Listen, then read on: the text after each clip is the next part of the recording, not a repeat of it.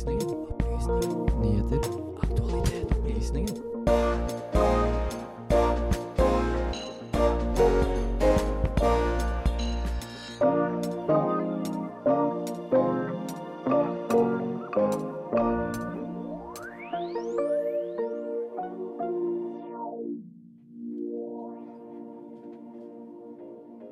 Wagner-gruppen dukker opp i konflikter rundt omkring i hele verden. Men hvem er de?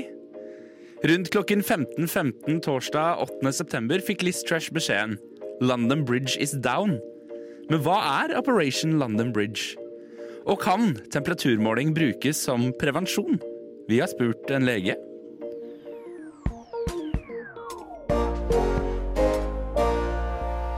Og det er sakene som står på tapetet i dagens utgave av Opplysningen 99,3. Hjertelig god fredagsmorgen og velkommen til dette samfunns- og aktualitetsmagasinet, hvor vi også skal til verdens kanskje mest unormale milliardær. Sandre heter jeg. Jeg skal sørge for at du kommer deg trygt gjennom den neste timen her på kanalen. Men det skal jeg ikke gjøre aleine, for med meg i studio så har jeg Marte Magnusdal og Alexander Klyve Gudbrandsen. God morgen til dere to. God, God morgen. Du, Vi ble jo sittende og prate i heisen på vei opp hit i dag, Marte, om at vi ikke er morgenmennesker. Ja, det stemmer. Vi er vel nok begge eh, B-mennesker. Så hvordan var det da å stå opp så gryende tidlig i dag? Eh, Det ble mye slumring. Det ble eh, mye bare ligge i sengen. Eh, Ni minutter hadde jeg på å eh, vaske ansiktet, pusse tenner. Så ble det en dyr frokost på eh, Oslos eldste kafé. Over 100 kroner for en liten kaffe Jesus! og en croissant. Det er én dyr frokost. Hva med deg, Aleksander? Er du et morgenmenneske? Nei, egentlig ikke. Altså, jeg er ganske glad i morgener, men jeg føler ikke at jeg er biologisk innstilt til å stå opp tidlig. Men hvis jeg er uthvilt og kommer meg opp tidlig, så er jeg veldig glad i morgener. Men du er liksom ofte sånn som syns morgenen er veldig idyllisk fram til du står opp, og så er det ikke så idyllisk allikevel? Ja, eller det er idyllisk når jeg har våknet. Ja, du si. ok. Ja, I sånn etter hvert. Jeg sto ti minutter i dusjen i dag og prøvde å få opp øynene, og fikk dem ikke opp. Så jeg sto og dusja med øynene igjen i dag fordi de ikke ville opp. Eh, I opplysningen i dag skal vi straks til eh, Wagner-gruppen. Er det Putins eh, egne private milits? Svaret får du etter Divest Passing Through.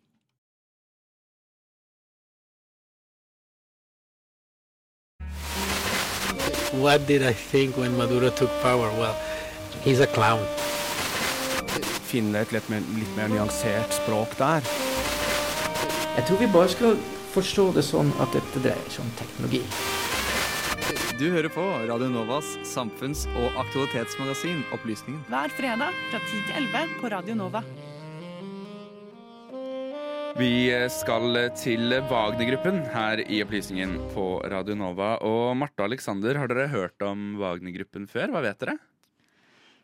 Mm, Jeg har hørt at det skal være en slags eh, e- Egentlig på papiret så skal det være et sikkerhetsselskap som er privat, men det fungerer som en slags leiesoldatgruppe eller noe sånt, som kjemper for Putin i bl.a. Ukraina, men også andre steder i verden. Og de er nokså berykta. Ja. Har du hørt om dem før, Marte? Eller har du nå lært noe nytt akkurat nå? Ja, jeg ble Ja. overrasket over at Alexander visste så mye. Han tok det jeg skulle si.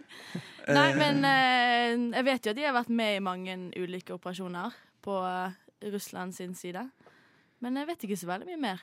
Nei, men eh, da passer det jo eh, veldig flott at vi nå skal få lære litt mer om eh, Wagner-gruppen. For vår reporter eh, Benjamin Nortemme ja, han har tatt en titt på gruppen, ledet av mannen omtalt som Putins kokk. Hans navn er Jevgenij Prigozjin. En russisk oligark med store formuer tjent i restaurantbransjen. For snaue to uker siden så vi en video av Prigozjin spilt inn i et høysikkerhetsfengsel. Der holdt han en stormtale til de russiske fengselsinnsatte om å verve seg til krigen i Ukraina. Prigozjin er altså ikke en hvem som helst, men den uttalte sjefen og den antatte hovedfinansiøren bak den såkalte Wagner-gruppen. Dette selskapet er angivelig oppkalt etter den tyske komponisten Richard Wagner, som etter populær legende var Adolf Hitlers favoritt. Ifølge selskapets formelle, offisielle registrering er Wagner-gruppen en privateid tilbyder av sikkerhet og livvakttjenester. Men en rekke tette bånd til Russlands militære etterretning sår nemlig stor tvil om den offisielle forklaringen. Hvem er Wagner-militsen? Hvor har de vært, og hvor kommer de fra? Carnegie Endowment for International Peace klassifiserer Wagner-gruppen som en paramilitær styrke. Tilbake i februar 2014 ble Wagner-gruppen for første gang brukt som en slags hybridhær, da Russland invaderte og annekterte Krimhalvøya fra Ukraina. Siden 2014 har Wagner-militsen fungert som en kontraktsbasert leverandør av militære tjenester, bl.a. i forbindelse med borgerkrigen i Syria. Et mye delt videoklipp, analysert av journalistkollektivet Bellingcat, viser det som skal være russiskspråklige Wagner-soldater på oppdrag for Assad-regimet, som torturerer og halshugger en tilhenger av den frie syriske hær. Militsen har også tatt oppdrag i en rekke afrikanske land, deriblant Mali, Sudan og Mosambik. En New York Times-artikkel fremmer også spisse anklager om at Wagner-gruppen driver diamantgruver i Den sentralafrikanske republikk et episenter for verdens ulovlige diamanthandel. Det kan også dokumenteres at Wagner har konsultert den venezuelanske regjeringen i å bygge president Maduros private sikkerhetsdetalje. Jeg skal gi deg litt tid til å puste ut. Dette var mye på en gang. Hvis Wagner-gruppen har en såpass bred tilstedeværelse i syv land på flere kontinenter, hvor mange er de egentlig? Vestlige etterretningstjenester anslo i april at Wagner-gruppen besto av ca. 8000 mennesker, hovedsakelig russiske menn med militær bakgrunn. Dette seneste estimatet kom frem i den britiske avisen The Independent, som omhandlet en brief fra det britiske underhusets Foreign Affairs Committee. Så langt i år skal allerede 3000 Wagner-soldater ha dødd på slagmarken i Ukraina, der de kjemper som en integrert del av Russlands invasjonsstyrker. På løpende bånd er det kanskje bare Jevgenij Prigozjin som vet hvor mange han har under sin kommando. Hvis mange av Wagner-gruppens medlemmer dør ved frontlinjene, skulle man kanskje anta at de sliter med rekrutteringen. I sommer dukket det opp flere store reklametavler i en rekke russiske byer som hadde påskriften 'Orkesteret W venter på deg. Ring dette nummeret'. Rekrutter til Wagner-militsen blir lovet en månedslønn på ca. 2500 dollar. Altså en lønn som tilsvarer ti ganger det vanlige gjennomsnittet i Russlands utkantsprovinser. Rekrutteringen til Wagner-gruppen har økt kraftig etter Vladimir Putin i morgentimene den 21.9 annonserte den såkalte Chastitsjnaja mobilisatie, altså delvis mobilisering.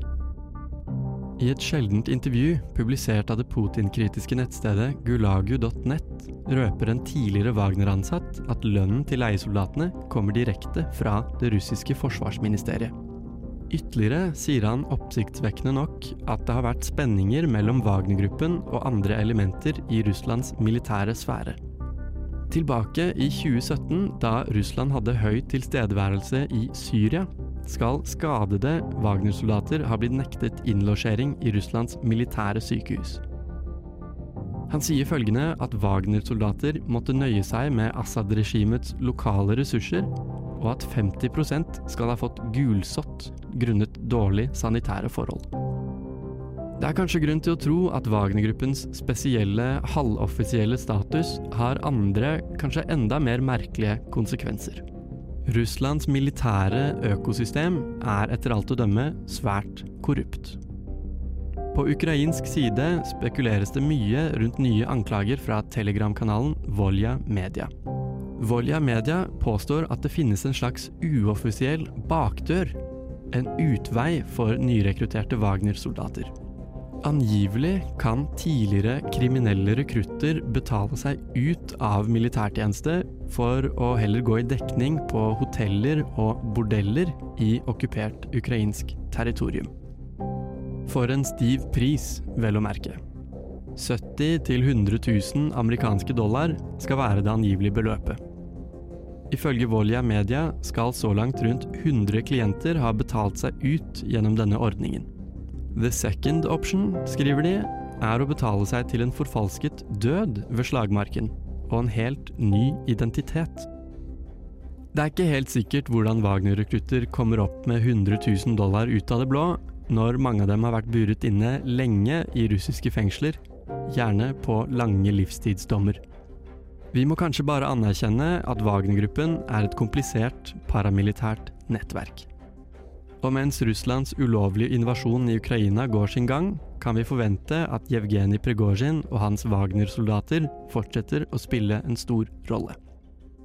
Når du hører denne reportasjen fredag 30.9, har Vladimir Putin trolig annonsert at de ukrainske territoriene Kherson, Zaporizjzja, Donetsk og Luhansk plutselig tilhører Russland.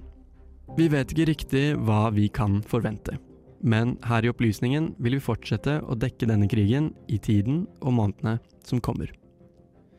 Med en reporter som Benjamin Nordtømme på laget, så er det klart at det blir mer Ukraina i tiden som kommer. Og det var han også som, som var eh, reporter i denne saken. Straks her på Opplysningen kan du måle kroppstemperaturen for å finne ut av om du kan bli gravid. Svaret får du etter baklengs salto. Dette er tennis i Opplysningen 99,3 på eh, Radio Nova. God dag og god fredag. Hjertelig god fredag morgen. God morgen, god morgen, god morgen og god morgen. God morgen og velkommen til Opplysningen, Radio Nova sitt samfunns- og aktualitetsmagasin. Med Opplysningen 99,3 på øret, ja, da blir det en god fredagsmorgen. Opplysningen 99,3 Hver fredag fra 10 til 11 på Radio Nova. Er dere på TikTok-gjengen?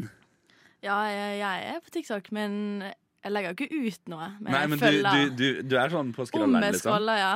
Det er mange timer. Alexander, er du på TikTok-kjøret? Jeg er ikke så veldig, må jeg. Men Jeg, har du TikTok? nei. Nei. Så du er, du er ikke på TikTok-kjøret i det hele tatt, med andre ord? nei, jeg er bare sånn innom og ser innimellom. En veldig sjelden gang. Men er det sånn, Venter du da på en måte til det kommer over på Instagram Reels, så ser du det der? Eller Facebook Watch? Eller hvor, hvor en TikTok-videoer går for å dø? Em, nei, det er kanskje mer bare ting jeg kommer over i nyhetene. Ja.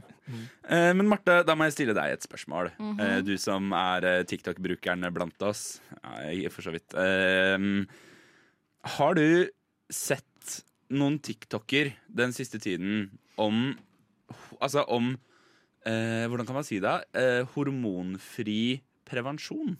Ja, jeg har faktisk sett Jeg vet ikke om de reklamerer for det, egentlig, om det er markedsføring. Men jeg har fått med meg eh, denne temperaturmåleren under tungen, som skal eh, gi en indikasjon da, om man eh, er gravid eller ikke. Ja, altså For det man gjør, er jo å måle kroppstemperaturen sin. Mm. For så å finne ut av om man er fertil. Er det en Hadde du, hadde du jeg holdt på å si benyttet deg av den prevensjonsmetoden, Alexander? Har du noe tro på den prevensjonsmetoden? Det hørtes kanskje ikke helt sånn skolemedisin ut. Vet. Mhm. Kanskje. Jeg er litt usikker. Du da, Marte? Som, som vårt kvinnelige alibi? Ja, den eneste som bruker prevensjon. Jeg er veldig skeptisk. Eh, Jeg har ikke hørt noen leger uttale seg om dette. For, altså Skeptisk det var også vår reporter Runa Årskog. Så hun ringte rett og slett en lege og spurte Ja. om man kan benytte seg av temperaturmåling som prevensjon. Vi elsker alt som er naturlig. Eller i hvert fall så vil reklameselskapene tro det. Naturlig selger. Og i mange tilfeller kan det sikkert være helt fint. Men hva når medisiner blir byttet ut med naturlige produkter? Eller for å være enda mer konkret, hva når hormonelle prevensjonsmidler byttes ut med temperaturmålere og apper som garanterer kvinner at de ikke skal bli gravide?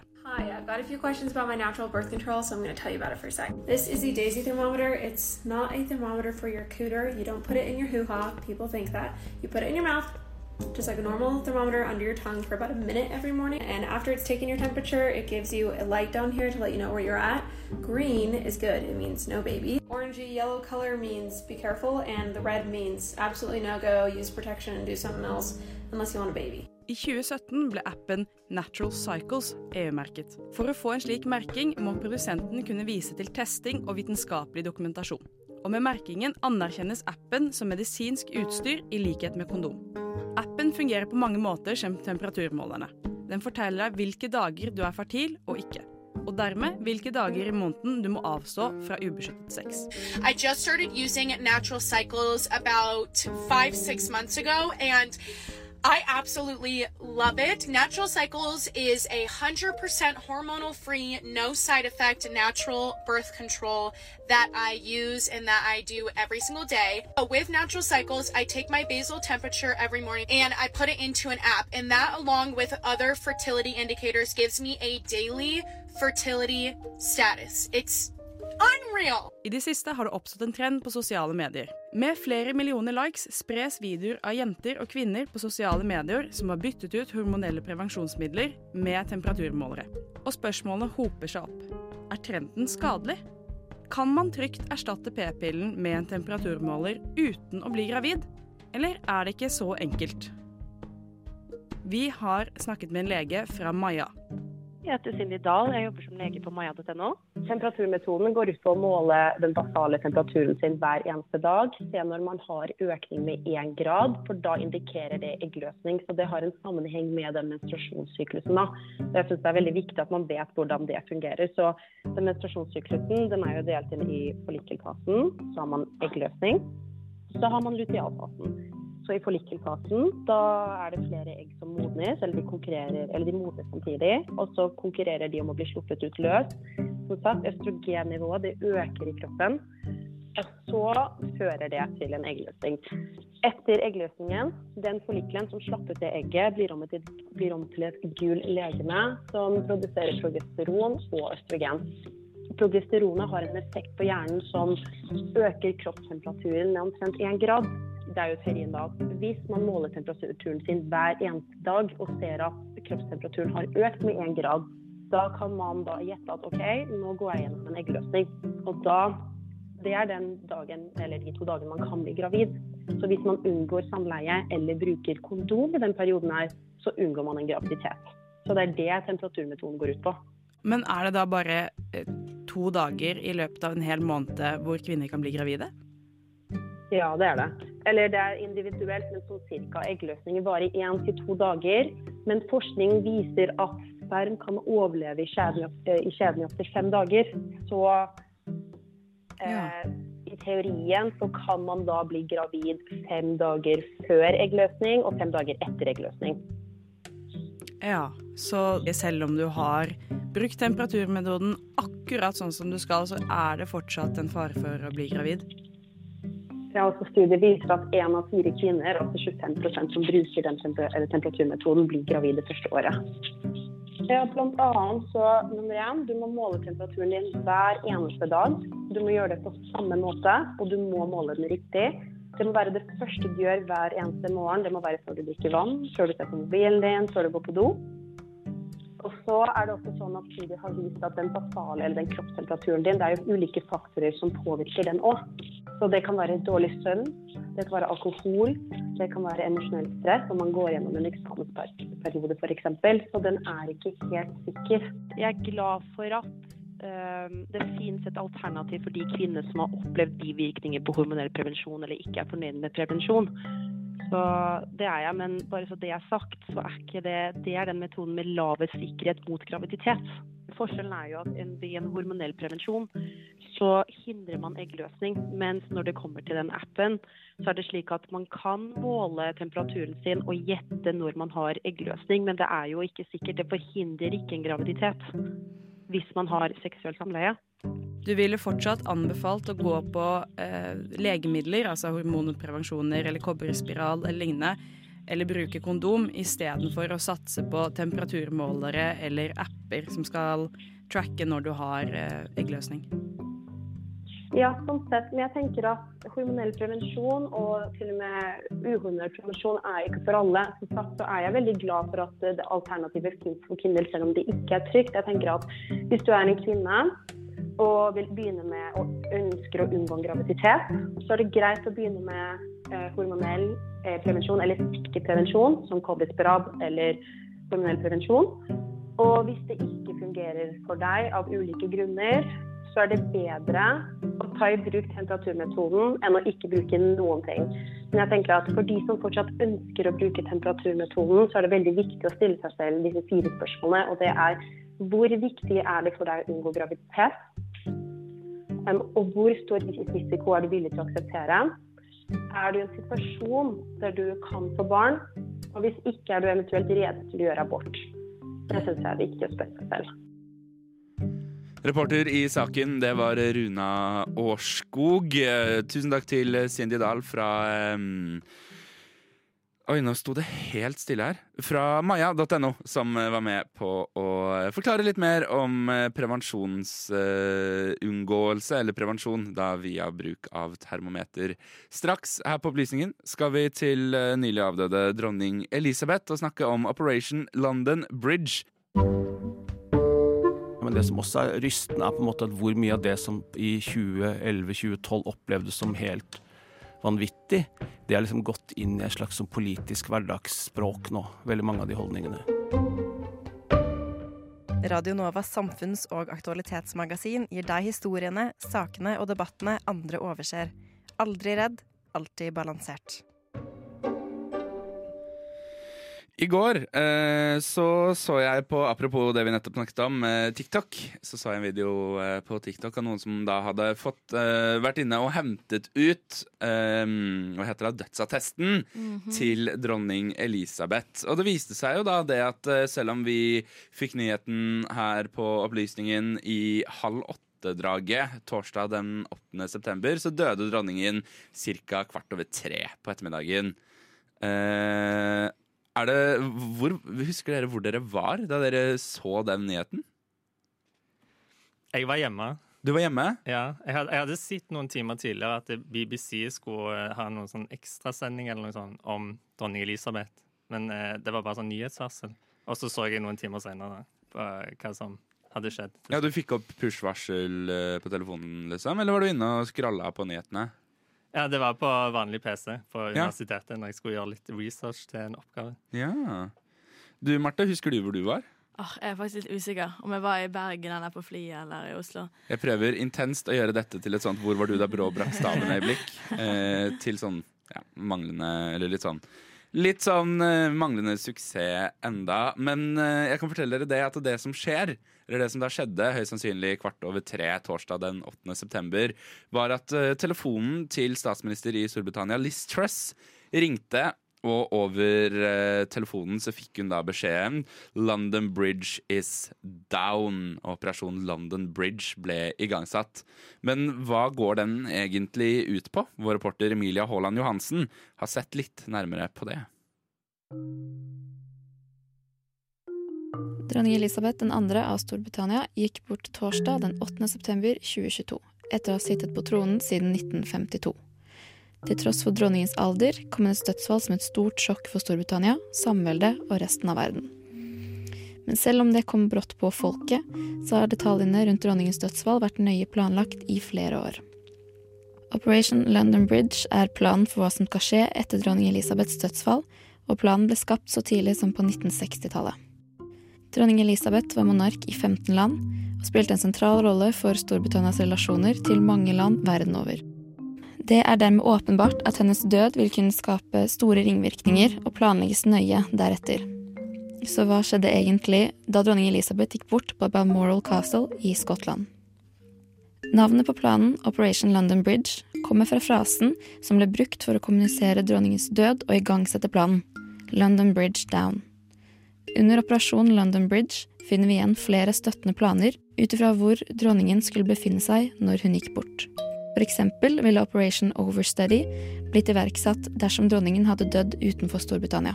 Til slutt finner vi Operation Unicorn, som er planen som skal følges dersom dronningen gikk bort i Skottland. Operation Unicorn var kanskje spesielt viktig da dronningen tilbringer flere uker på Balmoral Castle hver sommer. Denne planen skulle vise seg å komme til nytte da dronningen til slutt sovnet inn her. Dette er en svært detaljert plan, hvor selv de minste detaljene er nøye planlagt. Derfor vil vi ta dere med på et par av de sentrale hendelsene i dagene som fulgte dronningens dødsfall. Samme dag som dronningens dødsfall meddelte hennes privatsekretær sir Edward Young umiddelbart beskjeden til statsminister Liz Truss. Beskjeden lød trolig slik. London Bridge is down. Deretter iverksatte statsministeren Operation London Bridge. Kun minutter etter beskjeden ble gitt, ble de 15 regjeringene utenfor Storbritannia, hvor dronningen var statsoverhode, informert om dødsfallet over en sikker telefonlinje. Deretter ble andre nasjoner innen det britiske samveldet opplyst.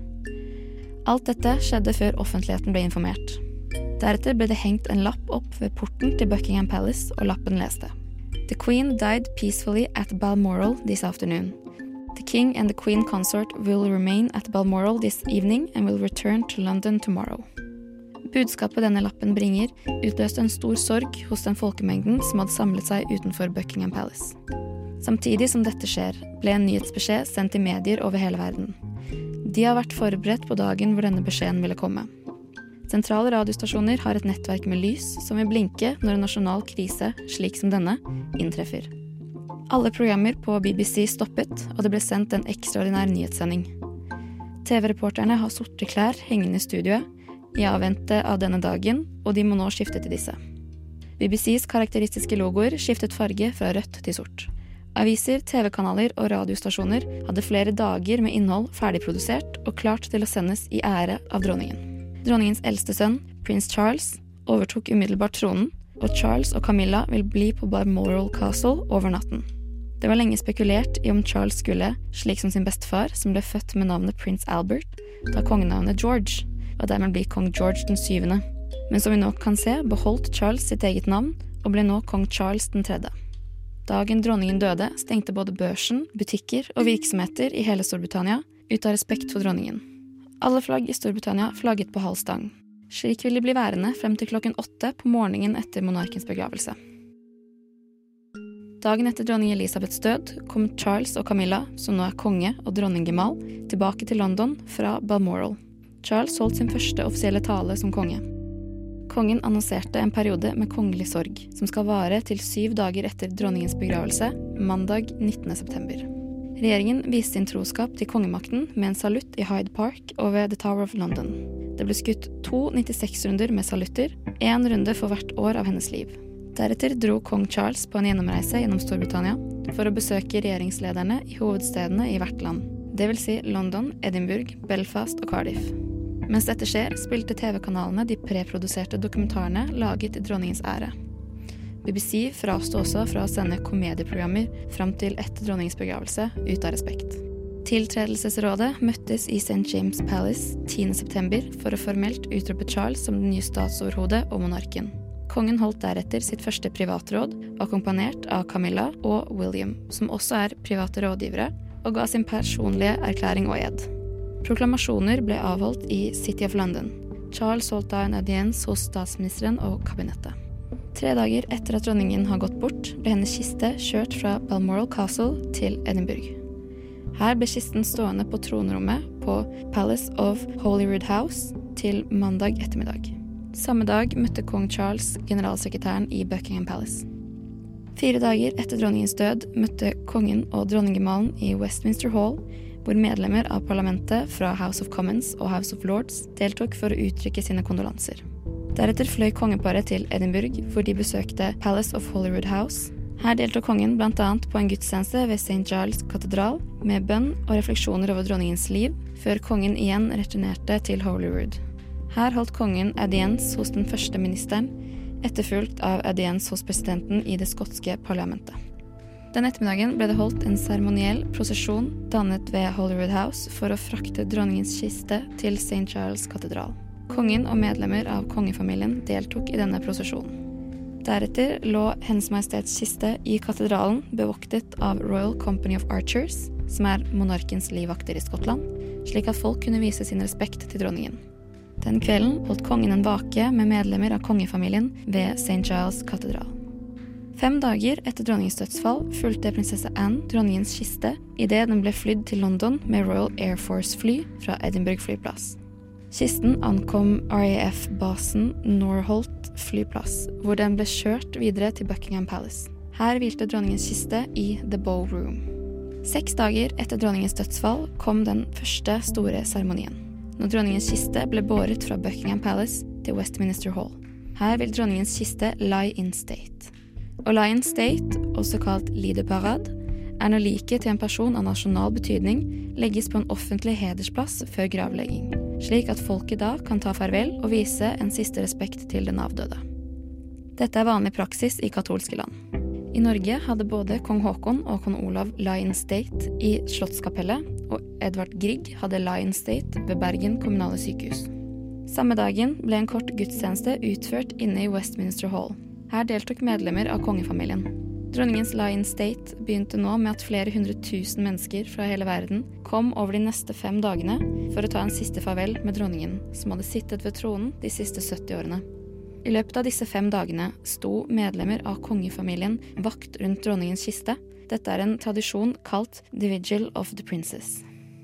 Dronningens begravelse fant sted i Westminster Abbey. Kisten hennes ble fraktet i en prosesjon fra Palace of Westminster til Westminster Abbey, hvor medlemmer av kongefamilien fulgte bak kisten hennes til fots.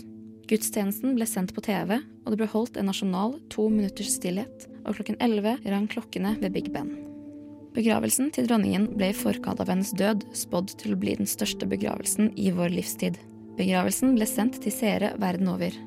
Det har per dags dato ikke kommet offisielle tall for hvor mange som så dronningens begravelse. Men ifølge Reuters ble begravelsen sett av 11,4 millioner mennesker i USA. Og ifølge BBC var Storbritannias seertall på tvers av BBC-nettverk og iPlay-strømmetjenester på det meste 32,5 millioner. Dette gjør at dronningens begravelse fikk de største seertallene i Storbritannia siden avslutningsseremonien til OL i London i 2012. Etter begravelsen ble dronningens kiste fraktet med prosesjon fra Westminster Abbey til Wellington Arch, hvor den videre ble fraktet til Windsor Castle. Dronningens kiste ble senket ned i det kongelige hvelvet ved St. George kapell, som nå er dronningens siste hvilested. Her vil hun hvile ved siden av hennes far, kong George 6. En offisiell kroningsseremoni av kong Charles vil mest sannsynlig finne sted innen et år etter begravelsen. Kroningen av den nye kongen vil igjen bli en offisiell helligdag i Storbritannia. Alt i alt er dronningens dødsfall en hendelse som medfører store endringer for det britiske folket, samveldet og verdenen. Det er også en hendelse som kommer til å koste det britiske folket flere milliarder pund, med flere helligdager, begravelsesutgifter og kroningsseremonier. I tillegg er det også hundrevis av endringer som vil skje på tvers av Storbritannia i månedene som kommer, som følge av dronningens bortgang. Ny britisk valuta vil bli trykket opp med kongens portrett som motiv, og dronningens valuta vil sakte, men sikkert fases ut. Det samme vil skje med frimerker, pass og politi- og militæruniformer. Og sist, men ikke minst, så vil nasjonalsangen endres fra God save the queen til God save the king. Hvilke ringvirkninger dronningens død vil ha, og hvilke konsekvenser dronningens dødsfall vil ha for det britiske monarkiet, er fremdeles ukjent. Det er iallfall ingen tvil om at dronningens dødsfall er slutten av en storslått æra. De sliter allerede med den nye nasjonalsangen i Storbritannia. Det er bare å se dronningens begravelse, det, så ser du at det er flere som synger 'God save the queen' istedenfor 'God save the king'. Og det har jo faktisk gått såpass langt da, at i Australia, som også må erstatte eh, sin valuta, så er de nå inne i en ganske hyppig eh, diskusjon om hvorvidt de skal endre Altså ikke ha kong Charles på sedlene, men heller ha um, Steve Irving eller Crocodile Dundee uh, på myntenheten sin. Reporter i saken, det var Emilia Haaland Johansen. Straks verdens mest unormale milliardær. Og det er altså så provoserende at folk tror at vi tuller, men vi gjør ikke det, altså. Dessverre. Opplysningen på Radio Nova. Aldri redd, alltid balansert. Alexander, Ja. hvis du hadde hatt en milliard, eller hvis du hadde vært milliardær, hva Ja. hadde du brukt pengene på? Um, tror ikke jeg hadde flytta til Sveits, men, men, men jeg, jeg, had, jeg tror jeg hadde reist ganske mye. Ja. Ja. Mm. Det er mange spennende steder i verden å se. Du da, Marte, hva hadde du brukt eh, dine milliarder på? Ah, Jeg tror jeg hadde investert noe av det, sånn at man har liksom hele livet. Jeg hadde også reist. Og så tror jeg det kanskje er lurt å kanskje gi til veldedighet, da. Men det er ikke, det er ikke villa og sportsbiler og privatfly som står på planen? For jeg hadde hatt privatfly! Kødder du, eller?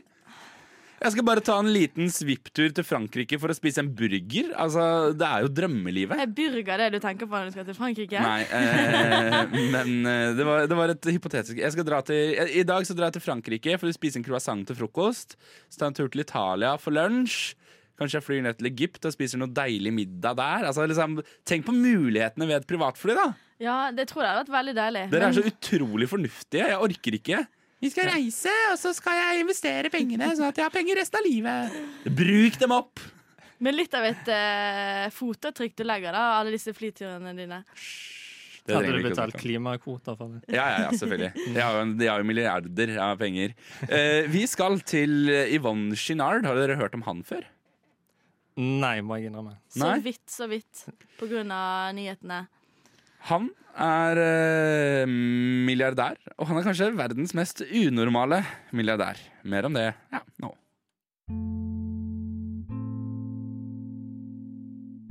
Se for deg en milliardær. Hva ser du? En villa? En splitter ny sportsbil? Et privatfly? To? Tre? Tenker du kanskje på typer som Richard Branson og Jeff Bezos som skyter private romskip ut i verdensrommet? Eller kanskje på verdens rikeste mann Elon Musk, som eier verdier for 219 milliarder dollar? Ifølge Forbes finnes det 2688 dollarmilliardærer i verden. Blant disse finner vi Branson, Bezos og Musk, men også verdens kanskje mest unormale milliardær, Yvonne Chinard, grunnleggeren av selskapet Patagonia, som i slutten av august gjorde et ganske uventet trekk. The stunning announcement from the founder of Patagonia, sharing that he's giving away, giving away the $3 billion company to help Og ikke bare gir han det bort, men han gir det bort for å kjempe mot klimaendringer. dollars. The privately held company's stock is now going to be owned by a trust and a group of nonprofit organizations, which will then use all the profits not reinvested into the business to protect the planet. Men hvorfor gir Shenard bort selskapet sitt? Hvorfor selger han det ikke og donerer pengene? Det hele handler om Yvonnes ettermæle. Men før vi kommer til ettermælet, må vi snakke litt mer om Patagonia. For Yvonne er som tidligere nevnt ikke en hvilken som helst milliardær. Spør du Elon Musk hvilke tanker han har om Tesla, eller Petter Stordalen om Choice-hotellene er hans største prestasjon, vil de begge trolig svare ja. Yvonne ville nok ikke vært like positiv. Og forklaringen finner vi i selskapets historie. På 60-tallet var Chinard en hyppig fjellklatrer. Han var blakk, bodde i bilen sin, spiste kattemat og besteg fjelltopper med en gruppe andre. Yvonne oppdager på et tidspunkt at utstyret de bruker for å klatre opp, ikke bare får dem til toppen, men at det også skader fjellveggene. Han begynner derfor å utvikle bedre utstyr, og starter en liten bedrift som produserer og selger dette utstyret. Og over tid fører dette frem til Patagonia, slik vi kjenner dem i dag. Chinard er ikke interessert i å bli en forretningsmann, men selskapet bare vokser og vokser. I've had several uh, times in my life when I woke up and I realized I was part of the problem and that I should do something about that. Derfor gjør han det han kan for å gjøre selskapet bedre. Både for miljøet, men også for arbeiderne. Selskapet blir en pioner i arbeideres rettigheter på amerikansk front. Du får muligheten til å ta ut full fødselspermisjon, jobber fleksitid, og på arbeidsplassene blir det etablert barnepass. På klimafronten er Yvonne en av grunnleggerne av 1% of the Planet, et initiativ der selskaper gir 1% av inntekten sin til klimakampen. Og han er også en pioner på økologisk bomull og bruken av resirkulerbare materialer i klesproduksjonen. I dag er Yvonne 83 og har de siste årene vært bekymret for sitt ettermæle. Patagonia er ifølge New York Times anslått å være verdt rundt 3 milliarder dollar, og har siden starten for nesten 50 år siden vært et privat eid selskap. Det vil si at selskapet ikke har vært børsnotert. Det er bare de fire medlemmene av Chenard-familien, Yvonne og kona Melinda Pennoyer, og barna deres Fletcher og Claire som har hatt eierskapet til selskapet. Problemet er det at barna ikke ønsker å ta over roret etter faren. I likhet med faren er de også sosialister, og ser på milliardærer som selve problemet på et mislykket samfunn. Dermed sto Yvonne i prinsippet igjen med to muligheter. Den ene var å selge selskapet og donere pengene, eller å børsnotere det. Men ingen av løsningene var reelle alternativer for Shinard. Hadde han donert vekk selskapet, hadde han ikke hatt noen garantier for at det ville fortsette å være det klima- og arbeidervennlige firmaet han grunnla for nesten 50 år siden. Samtidig hadde donasjonen til klimakampen kun blitt et enkeltbeløp. Og hadde selskapet blitt børsnotert, hadde han mistet kontrollen over det. Og som han selv sier, måtte maksimere fortjenesten for aksjonærene. Derfor kom familien opp med et tredje alternativ. Framfor å selge eller børsnotere selskapet, har de gitt det bort. Men la oss gjøre én ting klart aller først. Selskapet Patagonia går ikke gjennom for store endringer. De vil fortsatt arbeide for å oppnå profitt ved å selge klærne og fritidsutstyret de allerede selger. Det er i de nye eierne, en nyoppstartet stiftelse og en ideell organisasjon, vi finner endringen. Disse ble laget for å sikre at selskapets profitt brukes for å bekjempe klimaendringene. 2% av selskapet, styringsaksjene, er nå heleid av Patagonia Purpose Trust, som sørger for at Yvonnes visjon opprettholdes, og at all profitt som ikke reinvesteres i selskapet, anslått til å være rundt 100 millioner dollar årlig, brukes i kampen mot klimaendringene. Og for å beskytte uutviklet land over hele verden. På denne måten sikrer Shinard at selskapet i fremtiden også vil være den miljøforkjemperen han alltid har ønsket at det skal være. Og på denne måten har verdens kanskje mest unormale milliardær skapt et nesten like unormalt selskap.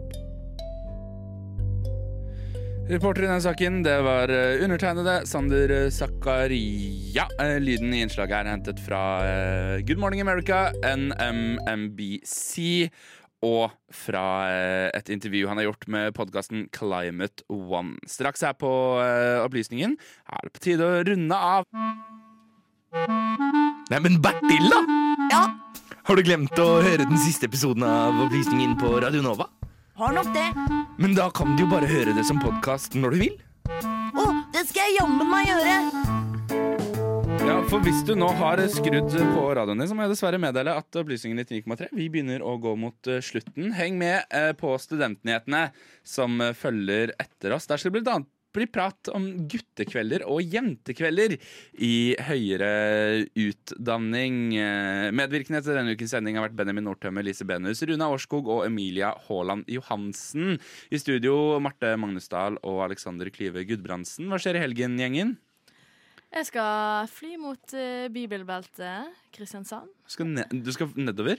Jeg skal nedover. Jeg fikk uh, kritikk for at jeg ikke tok tog, for det tar jo bare fire timer. Men jeg valgte fly. Til uh, Ja. Det er Kjevik-Kristiansand. Du, får du får kritikk herfra også. Eh, fra fyren som har lyst på privatfly, så han kan fly til ulike steder i verden og spise eh, ulike måltider. Alexander, hva skjer i helgen din? Jeg hørte noen rykter om en liten fest i morgen, så det blir Yes. kanskje noe sånn. Ellers, ja. Men Litt studier òg må det til. Nei, kom igjen, da. Det er helg. Det er helg. Ikke, ikke jobb med studier i helgen. Sander heter jeg. Det vil jeg fortsette å hete. Også med mindre jeg endrer navn. Da gir jeg deg tydelig beskjed i eh, forkant. Ha en nydelig fredag videre, og ikke minst hør på Studentnyhetene etter oss.